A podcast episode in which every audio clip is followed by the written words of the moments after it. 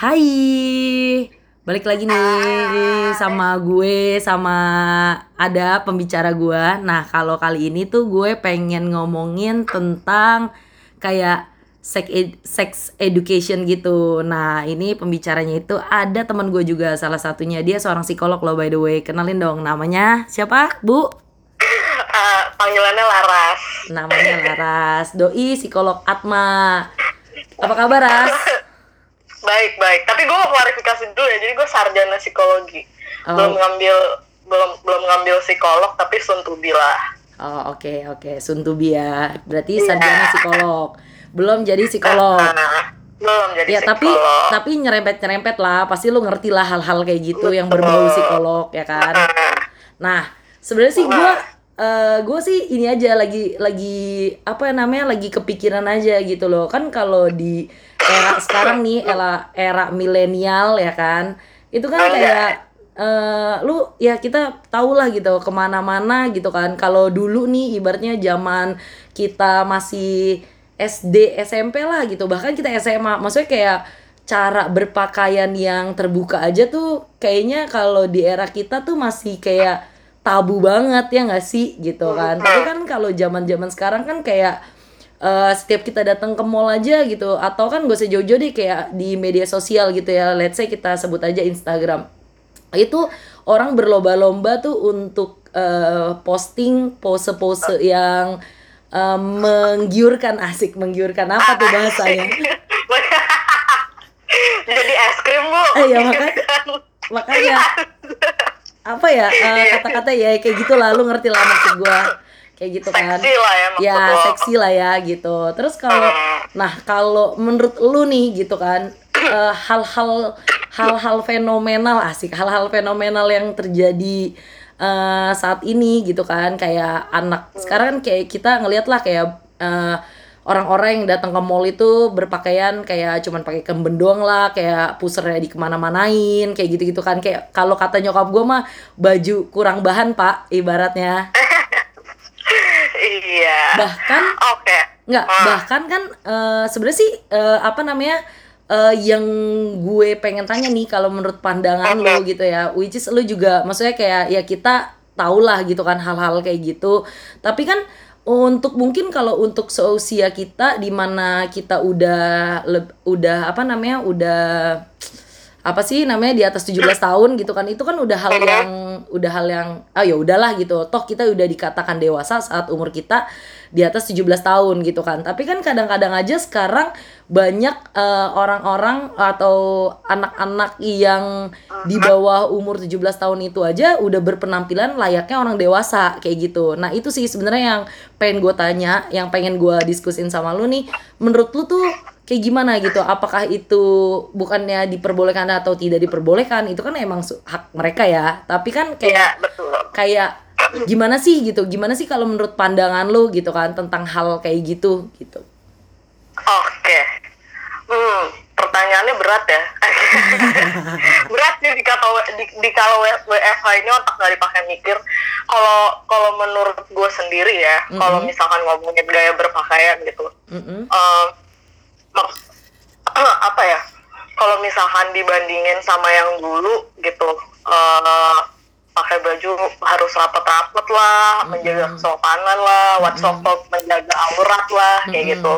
Sebenarnya kan alasan alasan dibaliknya itu supaya katanya tidak apa supaya kita terhindar dari mara bahaya lah kayak diperkosa misalnya, Iya. diculik kayak gitu-gitu. Mungkin itu alasan logisnya ya Mm-mm. tapi menurut gue eh, makin ke sini eh, makin di zaman modern ini maksud eh, apa ya manusia itu kan pada dasarnya emang ingin eh, dengan bebas mengekspresikan dirinya dia tuh mau apa gitu jadi eh, menurut gue eh, entah itu dan dan itu tuh nggak pandang umur gitu. Entah itu anak muda anak kecil uh, atau kita yang udah dewasa itu pasti pengennya ya bisa mengekspresikan gue maunya apa gue sukanya apa dan ditunjukin ke orang lain. Mm-mm. karena itu itu juga sebagai identitasnya gitu. Jadi ya mungkin apa ya eh, kalau menurut pandangan gue sendiri ya eh, gimana cara orang berpakaian entah itu yang seksi yang kebuka whatsoever yang what so called seksi Mm-mm. atau pakai baju kerang bahan atau malah pakai baju-baju cosplay yang aneh yang menurut orang-orang aneh ya itu emang balik lagi ke masing-masing orang sih.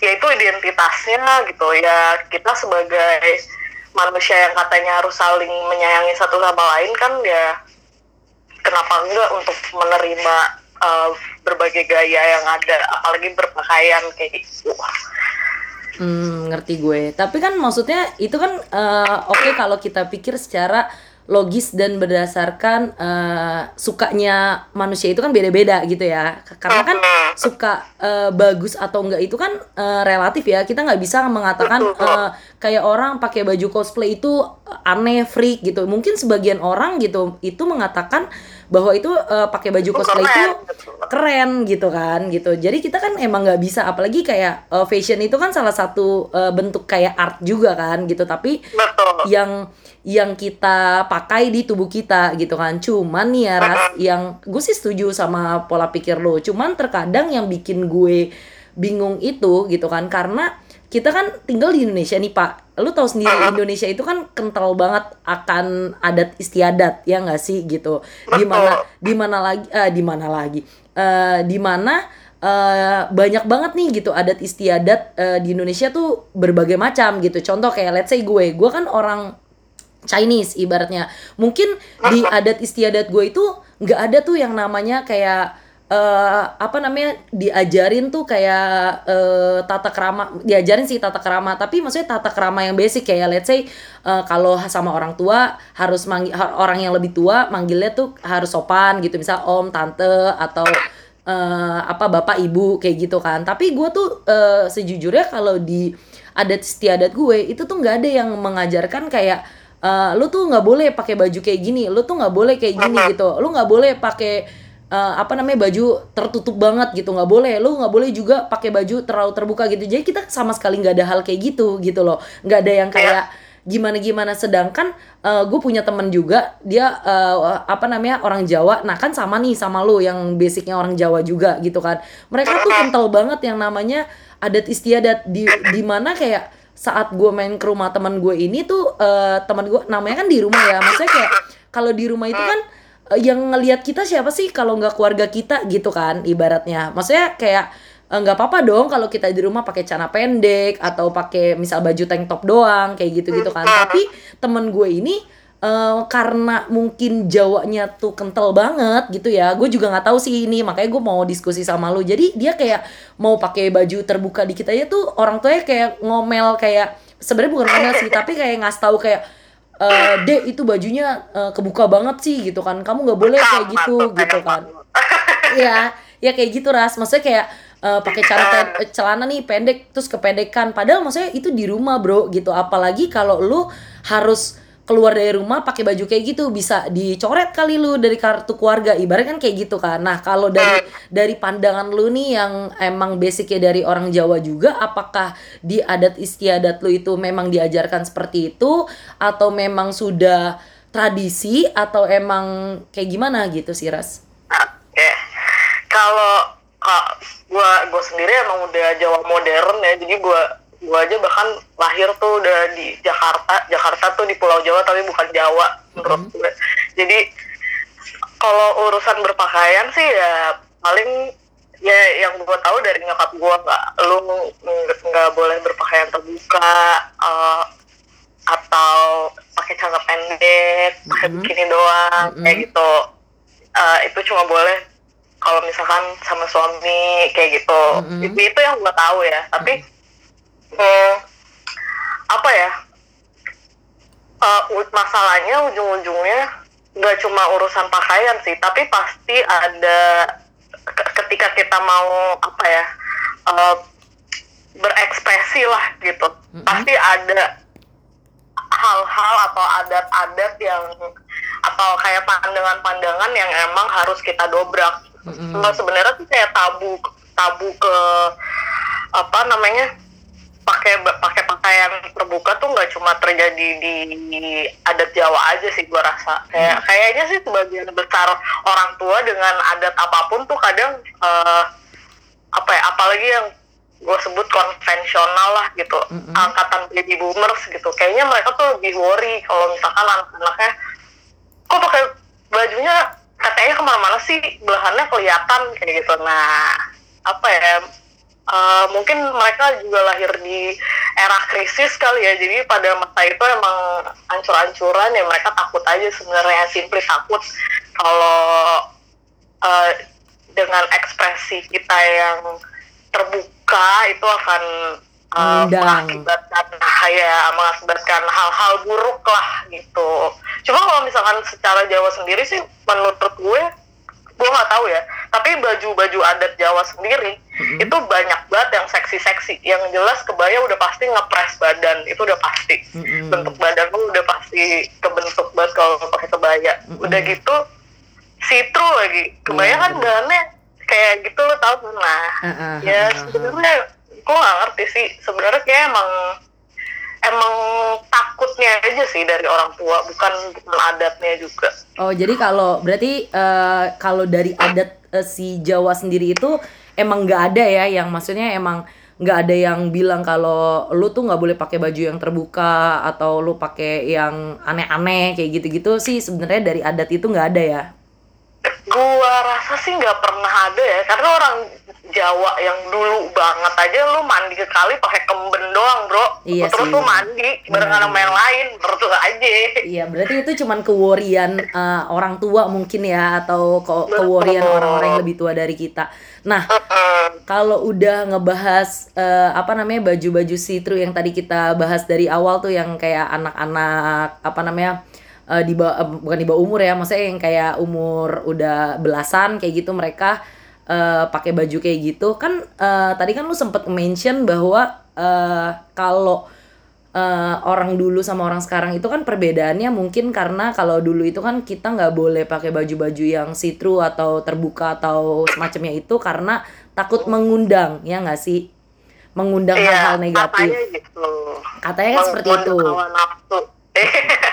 Iya, me, me- men- apa namanya mengundang hawa nafsu. Cuman kan sekarang nih Ras ya di zaman sekarang ini bahkan yang gua bilang apa namanya anak anak kecil aja tuh udah ada yang bisa dibilang kita di sini kita eh, ini aja ya buka-bukaan aja ya kayak seks bebas kayak gitu kan. Kayak udah eh, umur eh masa masih SMP kita kita sering lihat lah eh, apa namanya berita-berita kalau banyak anak-anak di bawah umur gitu kan which is dia masih SMP bahkan eh, SD gitu mereka udah kayak seks bebas even itu diperkosa atau enggak gitu ya. Tapi kan maksudnya jatuhnya kan itu dia mereka melakukan hal seperti itu gitu kan.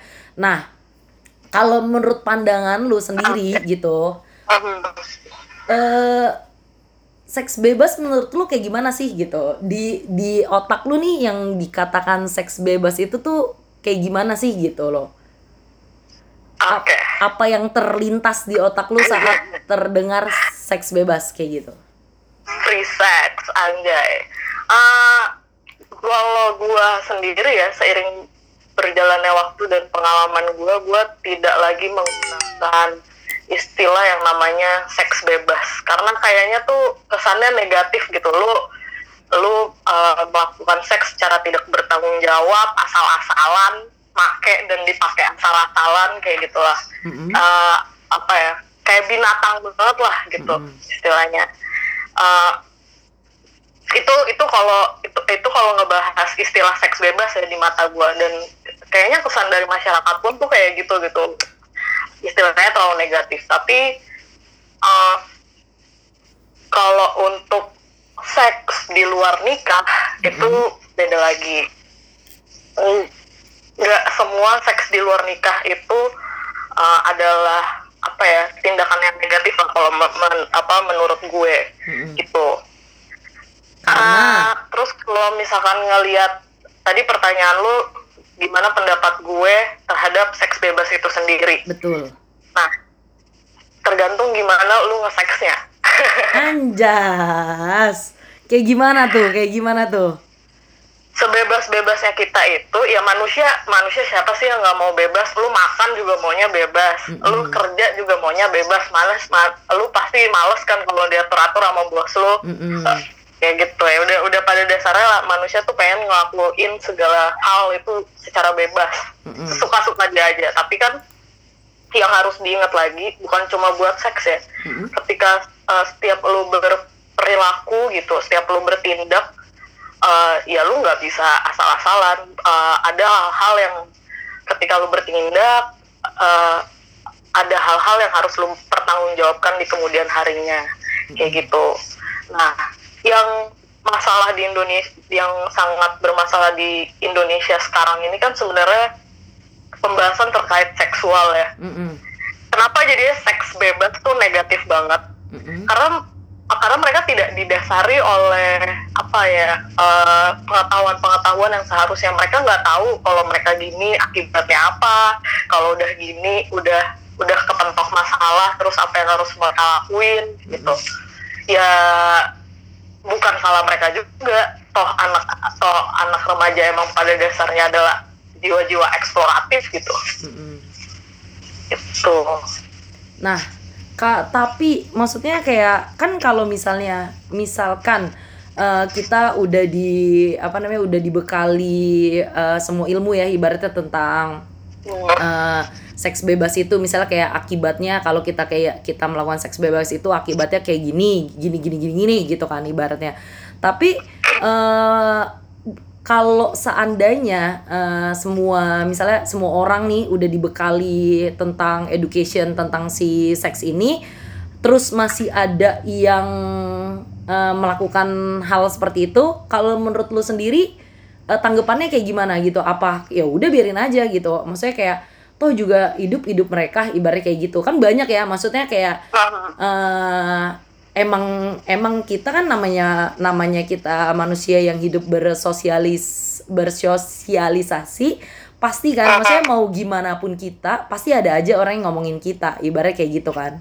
Oke. Nah, cuman kalau kalau misalkan nih gitu saat kita eh, semua semua orang itu udah dibekali dengan pendidikan sex education ini, tapi mereka masih melakukan eh, seks bebas ini gitu kan. Nah, kalau menurut pandangan lo sendiri kayak gimana Ras gitu? Apakah kayak lu lebih kayak eh, ya udah gitu, maksudnya ya udah terserah mereka gitu kan. Toh juga mereka udah tahu konsekuensinya gitu atau eh, kayak ya sebenarnya kalau bisa sih jangan gitu karena kan masalah seks ini kan tabu ya ras gitu kan. Bahkan di kehidupan kita berhubungan aja gitu ya yang di di era sekarang nih gitu kan. Kayaknya mereka tuh kayak eh, udah nggak eh, saat tahu eh, let's say misalnya gini gue deket sama cowok nih gitu kan. Nah terus cowok gue cowok gue ini eh, cowok gue cowok ini tuh nanya ke gue kayak "Eh, lu udah perba- pernah berhubungan seks belum? Kayak gitu kan. Terus misalnya let's say gue jawab udah gitu kan ibaratnya.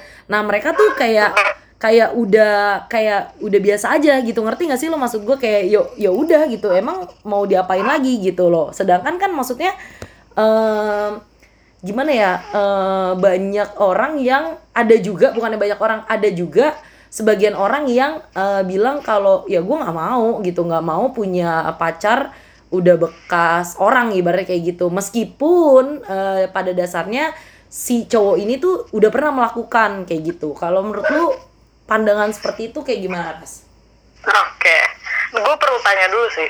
Kalau menurut lo sendiri emang seks bebas apa sel? Eh kalau menurut gue sih eh, seks bebas itu adalah kalau di otak gue nih ya gitu kan yang ibaratnya eh, kalau ada orang ngomong kayak ah lu seks bebas ya kayak gitu kan. Kalau gue bilang eh, lebih ke eh, gonta-ganti pacar, gonta-ganti cowok kayak gitu. Seks bebas tuh kayak gue udah gue tuh nggak terikat sama siapa ah, ya selain gue sama misalnya kayak gue punya pacar nih. Nah selain gue sama pacar gue melakukan hal itu gue juga main sama yang lain kayak gitu. Kalau menurut gue sih kayak gitu ya. Kalau menurut eh, pola pikir gue kayak gitu. Oke. Terus kalau melakukan hubungan eh, seksual di luar pernikahan, apakah itu seks bebas juga buat lu? Gue gue perlu tahu nih, eh, kan tadi lu sempat nanya ya, apakah kalau misalkan eh, an- apa namanya anak orang-orang anak-anak lah, anak-anak di Indonesia ini udah dibekali dengan pengetahuan yang cukup uh, tentang seksualitas, Mm-mm. apakah selanjutnya um, yang diharapkan itu mereka bisa berhenti melakukan seks bebas Mm-mm. atau ya kalau mereka mau melakukan seks bebas ya udah terserah kayak Mm-mm. gitu. Nah, berhenti perilaku yang kayak apa dulu nih yang diekspektasi lo? eh sebenarnya sih eh, kalau lu nanya ke gue perihal eh apa namanya melakukan seks sebelum nikah itu termasuk seks bebas atau enggak? Eh ya balik lagi kayak gue bilang kalau lu cuman kalau menurut gue ya kalau lu melakukan seks itu hanya dengan pasangan lu ibaratnya kayak gitu kalau menurut gue itu udah jatuhnya bukan seks bebas karena kayak jatuhnya udah suka sama suka kayak gitu ngerti nggak? Tapi eh, konteksnya lu cuman sama satu orang kayak gitu ras. Tapi kalau lu eh ya itu itu dia yang gue bilang kalau lu sebelum nikah terus lu udah eh punya pacar nih tapi lu masih main sama yang lain itu jatuh gue jatuhnya menurut gue seks bebas gitu. Itu ini kan kita nah selain ya selain seling ya kan kita nggak tahu ya gitu kan. Kan kita nggak tahu namanya namanya namanya orang ya nggak sih gitu. Makanya gue yang kayak Iya, gue mau iya, diskusi nih sama lu gitu. Menurut lu tuh eh, seks bebas itu ya kayak gimana gitu kan gitu Oke. Hmm. Pertama, kalau ngomongin seks tuh emang enggak udah-udah sih banyak banget. Pa- parah parah sih ras parah parah Dan nggak pernah nggak seru, iya. nah, kalau ke pertama ini dulu deh. Kenapa harus dibekali dengan dan kita harus terbuka dengan seks gitu dan kasih sex education yang mumpuni. Mm-mm. Karena sebenarnya dari melakukan perilaku seksual pun itu Mm-mm. kan ada eh, apa namanya eh, hal-hal yang sebenarnya tidak kita inginkan kayak penyakit menular seksual, betul kehamilan kehamilan di luar nikah, kehamilan yang tidak diinginkan bahkan Betul. itu saat lo menikah ataupun lo belum menikah gitu. betul Eh, abis itu apa namanya hmm, mungkin ada keterpaksaan betul kayak gitu gitulah. Mm-mm. Nah sebenarnya sex education ini tuh penting untuk mereka tahu ya ya untuk prevent hal-hal ini lebih ke situ ya bukan untuk menghentikan mereka bukan untuk kalau buat gua bukan untuk menghentikan manusia itu berperilaku seksual Mm-mm. dengan gairahnya sendiri itu karena seksual sendiri itu udah jadi kebutuhan dasar sama kayak makan kayak minum buat manusia. Mm. lu lu nggak ma- lu nggak makan nggak minum nggak nge-sex lu nggak bahagia. Oke gitu. Ya, sebagai eh, ini ya manusia gue rasa sih kayak gitu. Kecuali lu eh, emang orang-orang dengan apa kondisi khusus gimana lu aseksual gitu ya Mm-mm. lu nggak masalah hidup tanpa seks itu itu another story itu. Nah sebagai manusia seksual eh, Mm-mm. seks sendiri itu udah kayak makan.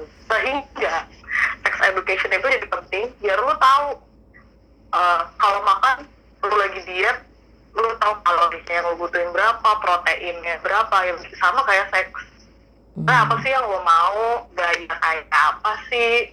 Gue beneran mau gak sih eh, berhubungan seksual sama dia? Oh biar gue nggak ketularan penyakit menular seksual gue harus ngapain ya oh pakai kondom kayak gitu loh. kesadaran kesadaran di mana ya eh, lu melakukan perilaku lu secara bertanggung jawab begitu juga dengan seks jadi lu nggak pakai dan dipakai asal-asalan Hmm, oke. Oke, gue setuju. Nah, last question nih Ras buat lo karena juga ternyata ini udah hampir 30 menit nggak berasa ya kalau ngomongin seks emang nggak ada habisnya gitu kan. Lu Nah, ini eh, last question buat lo.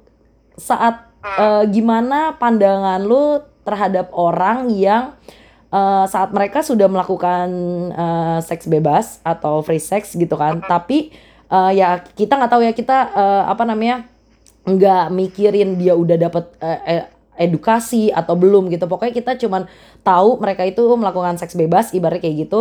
Terus saat mereka sudah melakukan seks bebas eh, salah satunya nih gitu kan eh, apa namanya ya kita nggak kita tutup mata ya alasannya dia apa di eh perkosa lah. Kalau diperkosa beda lagi. Maksudnya kayak eh karena kalau menurut gue ya eh, gini sebelum gue ngomong jauh ke situ gue tuh pengen eh, ini deh pengen klarifikasi bukan klarifikasi klarifikasi sih gue pengen kayak eh, ngasih eh, pemikiran gue di mana eh, setuju gak sih lo kalau misalnya saat orang melakukan seks itu itu eh, bullshit kalau ada yang bilang itu gue terpaksa melakukannya kayak gitu. Sebenarnya kayak kalau menurut gue kalau lu terpaksa melakukannya gitu kan lu nggak bakal ngelakuin itu gitu loh sama pacar lu. Iya nggak sih gitu? Tapi kalau misalnya saat lu udah berhubungan nih terus tiba-tiba lu ditanya sama teman lu gitu kan atau siapa pun gitu kan eh kok lu mau sih ngesek sama dia misal kayak gitu? Terus jawaban si orang ini jawabannya iya abisnya gue terpaksa. Lah terus maksud gue kayak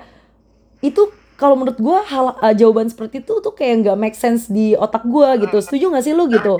Ya nggak sih kalau maksudnya gini kalau lu emang uh, lu emang bilang kalau lu terpaksa gitu kan kan caranya banyak. Kalau lu memang terpaksa kan konteks terpaksa itu kan lu mengatakan bahwa lu sebenarnya nggak mau gitu kan.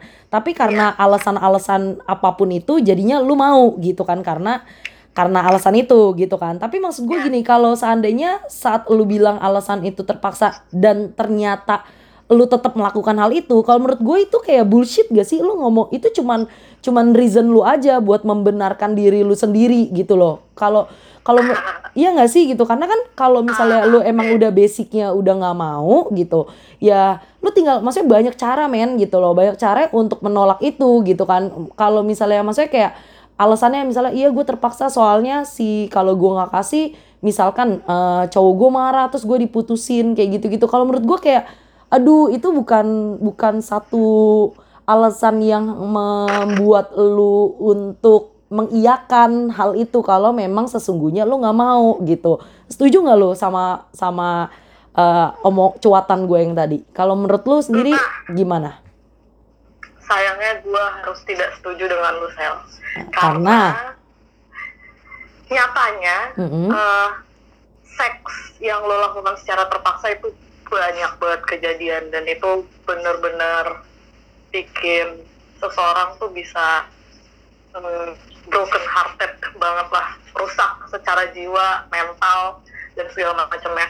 Eh, sebenarnya perumpamannya simpel banget.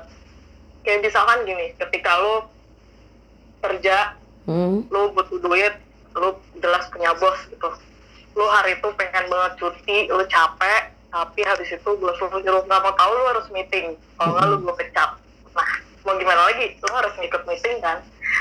Begitu juga dengan sayangnya beberapa apa ya pengalaman-pengalaman orang-orang yang eh, merasa dirinya tuh nggak akan sanggup kalau kehilangan pacarnya mungkin. Gue nggak akan sanggup kalau diputusin. Gue Hmm. kayak gue merasa bertanggung jawab memberikan kebahagiaan untuk pasangan gue sehingga kalau pasangan gue sehingga kalau yang dimau sama pasangan gue adalah seks gue akan kasih. Nah itu yang bikin gue sering kali apa ya marah lah gitu. Hmm. Maksudnya lu itu yang harus kita encourage juga ke orang-orang. Dan seks secara terpaksa itu tidak cuma terjadi di perempuan ya Sel. Itu Mm-mm. juga terjadi di laki-laki. Temen laki-laki gue banyak banget yang curhat dan jangan kira semua laki-laki itu dikasih ikan asin mau mangap enggak. Hmm. banyak banget yang datang ke gue cerita nangis-nangis eh, kepaksa. Gue juga nggak awalnya pun gue juga hah kenapa kok? Ini, ini maksud gue ini di luar nalar. Tapi ternyata ada. Ada. Kejadian itu ada gitu. Yang datang misuh-misuh anjing gue kemarin dipaksa eh wine night stand gue ketemu sama cewek di bar kayak gitu. Nah sayangnya seks secara terpaksa tuh ada dan yang yang yang harus yang penting untuk kita eh, komunikasikan ke orang-orang yang mengencourage mereka untuk bilang enggak ya kalau lu nggak mau ya bilang enggak ya sama kayak aku bos lu Iya, kalau lu nggak mau kerja ya Mm-mm. udah bilang enggak ya pecat pecat aja gue bisa Iya, cari kerjaan lain kok gitu. Hmm. Oh, berarti Karena- jatuhnya kalau kayak gitu udah berpengaruh ke mentalnya sih ya gitu kan. Berarti kita Betul. gimana eh tapi lu sendiri maksudnya kayak eh seks eh, terpaksa itu berarti lu nggak se- nggak setuju dong gitu kan. Maksudnya adanya seks kalau lu nge-seks dan terpaksa itu ya kalau bisa ya jangan kayak gitu kan. Eh, Mau apa pun alasannya itu ya kalau bisa ya jangan kayak gitu kan gimana caranya supaya kita nih gitu kan mungkin orang-orang yang mentalnya berarti jatuhnya mentalnya lebih kuat gitu kan buat ngasih maksudnya bukan ngasih eh, memberi masukan lah gitu ya buat maksudnya buat nyemangatin dia lah gitu kalau yang ternyata tuh eh, lu bisa loh gitu untuk tidak melakukan hal seperti itu. Apalagi kalau lu udah terpaksa kayak gitu kan maksud lo? Iya betul. Hmm. Iya lu ngelawan orang tua lu aja bisa. Iya betul. Gue setuju. Iya lu ngelawan orang tua lu aja yang ngebrojolin lu bisa. iya benar kalau benar. lu nggak mau lu lawan orang lain seharusnya lu bisa juga. Iya. gitu Oke, nah uh, balik lagi nih Ras, the last question ya. Nah saat saat uh, seseorang sudah melakukan seks bebas Ras, terus uh, either dia udah tahu konsekuensinya atau either dia belum tahu konsekuensinya, terus tiba-tiba uh, terjadilah sebuah hal yang tidak diinginkan, kayak let's say eh, dia hamil di luar nikah atau dia punya penyakit gitu. Kita sebut misalnya AIDS atau HIV kayak gitu kan karena mereka mungkin melakukannya itu tidak bersih mungkin kayak gitu atau emang eh ya banyak lah banyak hal gitu kan. Tapi maksudnya kita yang kita garis bawahi adalah saat seseorang itu sudah hamil terus atau dia kena penyakit menular misalnya kayak gitu. Nah terus di salah satu pihak gitu kan. Saat kan kita nggak tahu ya kita nggak tahu alasan mereka melakukan itu ya either terpaksa atau either dia nggak terpaksa gitu kan. Tapi yang kita tahu adalah hasil akhirnya mereka kena uh, hamil di luar nikah atau kena penyakit gitu kan. Nah kalau nah saat kita udah tahu kayak gitu terus uh, adalah berita kalau si A uh, nyalahin si B bahwa si B ini seperti ini bla bla bla bla gitu kan. Nah terus kayak kalau si uh, wanita yang hamil di luar nikah ini kayak uh, apa namanya mau ngarbu nge ar ke menggugurkan ibaratnya. Iya, ya mengaborsi. ya mengaborsi anaknya. Kalau menurut lu uh, hal kayak gitu gimana ras? Maksudnya kayak uh, pandangan lu terhadap hal seperti itu kayak gimana? Nah, ya, kalau buat urusan aborsi itu masih jadi tanda tanya besar juga uh, di kepala gue. Kalau kalau misalkan lu tiba-tiba mengalami kehamilan yang tidak diinginkan kayak gitu ya, Mm-mm. ah aborsi itu jadi solusi yang tepat atau tidak gitu kan kurang lebih pertanyaan lo ya Wah, ya. betul betul itu balik lagi ke prinsip yang dipegang ke masing-masing orang sih. Ah, akhirnya gue mikir kayak gitu. Eh, bukannya gue membenarkan ataupun tidak membenarkan, tapi em, yang tahu kondisi apa kehidupan dirinya sendiri ya orang itu sendiri. Kalau kalau ternyata eh, habis itu aborsi itu udah jalan yang paling baik dengan segala pertimbangan ya ntar gue juga dong pembunuh dong gue ngebunuh anak gue dong Eh, Mm-mm. Apa namanya ya ya konflik-konflik moral kayak gitulah ya. Mm-mm. tapi ternyata itu adalah jalan yang paling baik ya iya silahkan diambil. Kalaupun lo mau ngelanjutin lu pun juga harus mempertimbangkan gimana cara gue ngehidupin anak ini. Apakah setelah gue ngelahirin gue sanggup untuk uh, ngejagain jangan sampai setelah lahir yang ada gue lempar doang ke panti asuhan. Mm. kayak gitu gitu jadi ya itu itu pasti uh, banyak banyak konflik lah yang apa ya yang masih uh, belum bisa sinkron lah jadi aborsi itu sebenarnya boleh atau enggak sih gitu dan kayaknya itu akan jadi perdebatan sepanjang masa sih karena urusannya sama nyawa kan. iya betul sebenarnya sih yang makanya Mm-mm.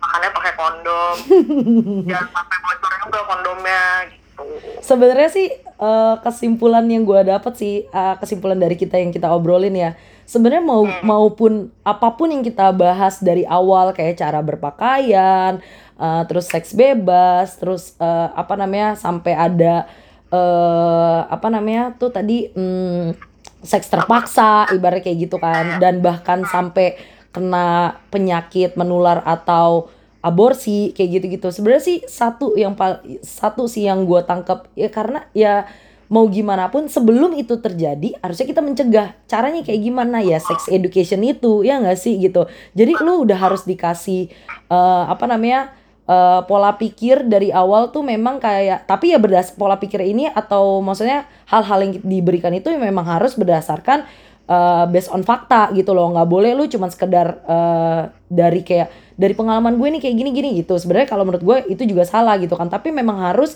dibekali dengan uh, apa namanya ilmu-ilmu yang sudah sudah men, sudah terjamin lah ibaratnya kayak gitu kan. Sebenarnya sih konsepnya konsepnya itu uh, itu sih gitu kan. Jadi kayak uh, mau apa pun hal yang kita bahas dari tadi itu kalau yang gue tangkap ya semuanya itu memang harus harus berdasarkan harus ada pondasi uh, yang kuat di mana pondasi yang kuat itu adalah ya education ini gitu ya nggak sih? Jadi jangan sampai sebelum kita terjadi kita sudah ada uh, pondasinya dulu nih gitu ya. Ibaratnya kalau kata rumah mah ya ya lu mau punya rumah yang kokoh ya pondasi lu harus kuat kayak gitu. Mau sebagus apa pun rumah lu ibaratnya finishingnya kayak gimana interiornya kayak gimana lampunya kayak gimana tapi kalau pondasi lu nggak kuat sama-sama ambruk ibaratnya kayak gitu.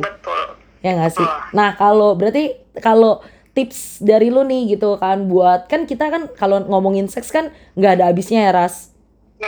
Nah terus kayak kita pun juga nggak bisa yang kayak nama namanya juga sesama manusia kita tuh nggak bisa yang kayak uh, apa namanya uh, ngelarang lu kayak gini lu nggak boleh kayak gini lu nggak boleh kayak gitu lu harus kayak gini lu harus kayak gitu. Karena kan balik lagi manusia itu kan punya akal dan pikiran sendiri sendiri ibaratnya kayak gitu.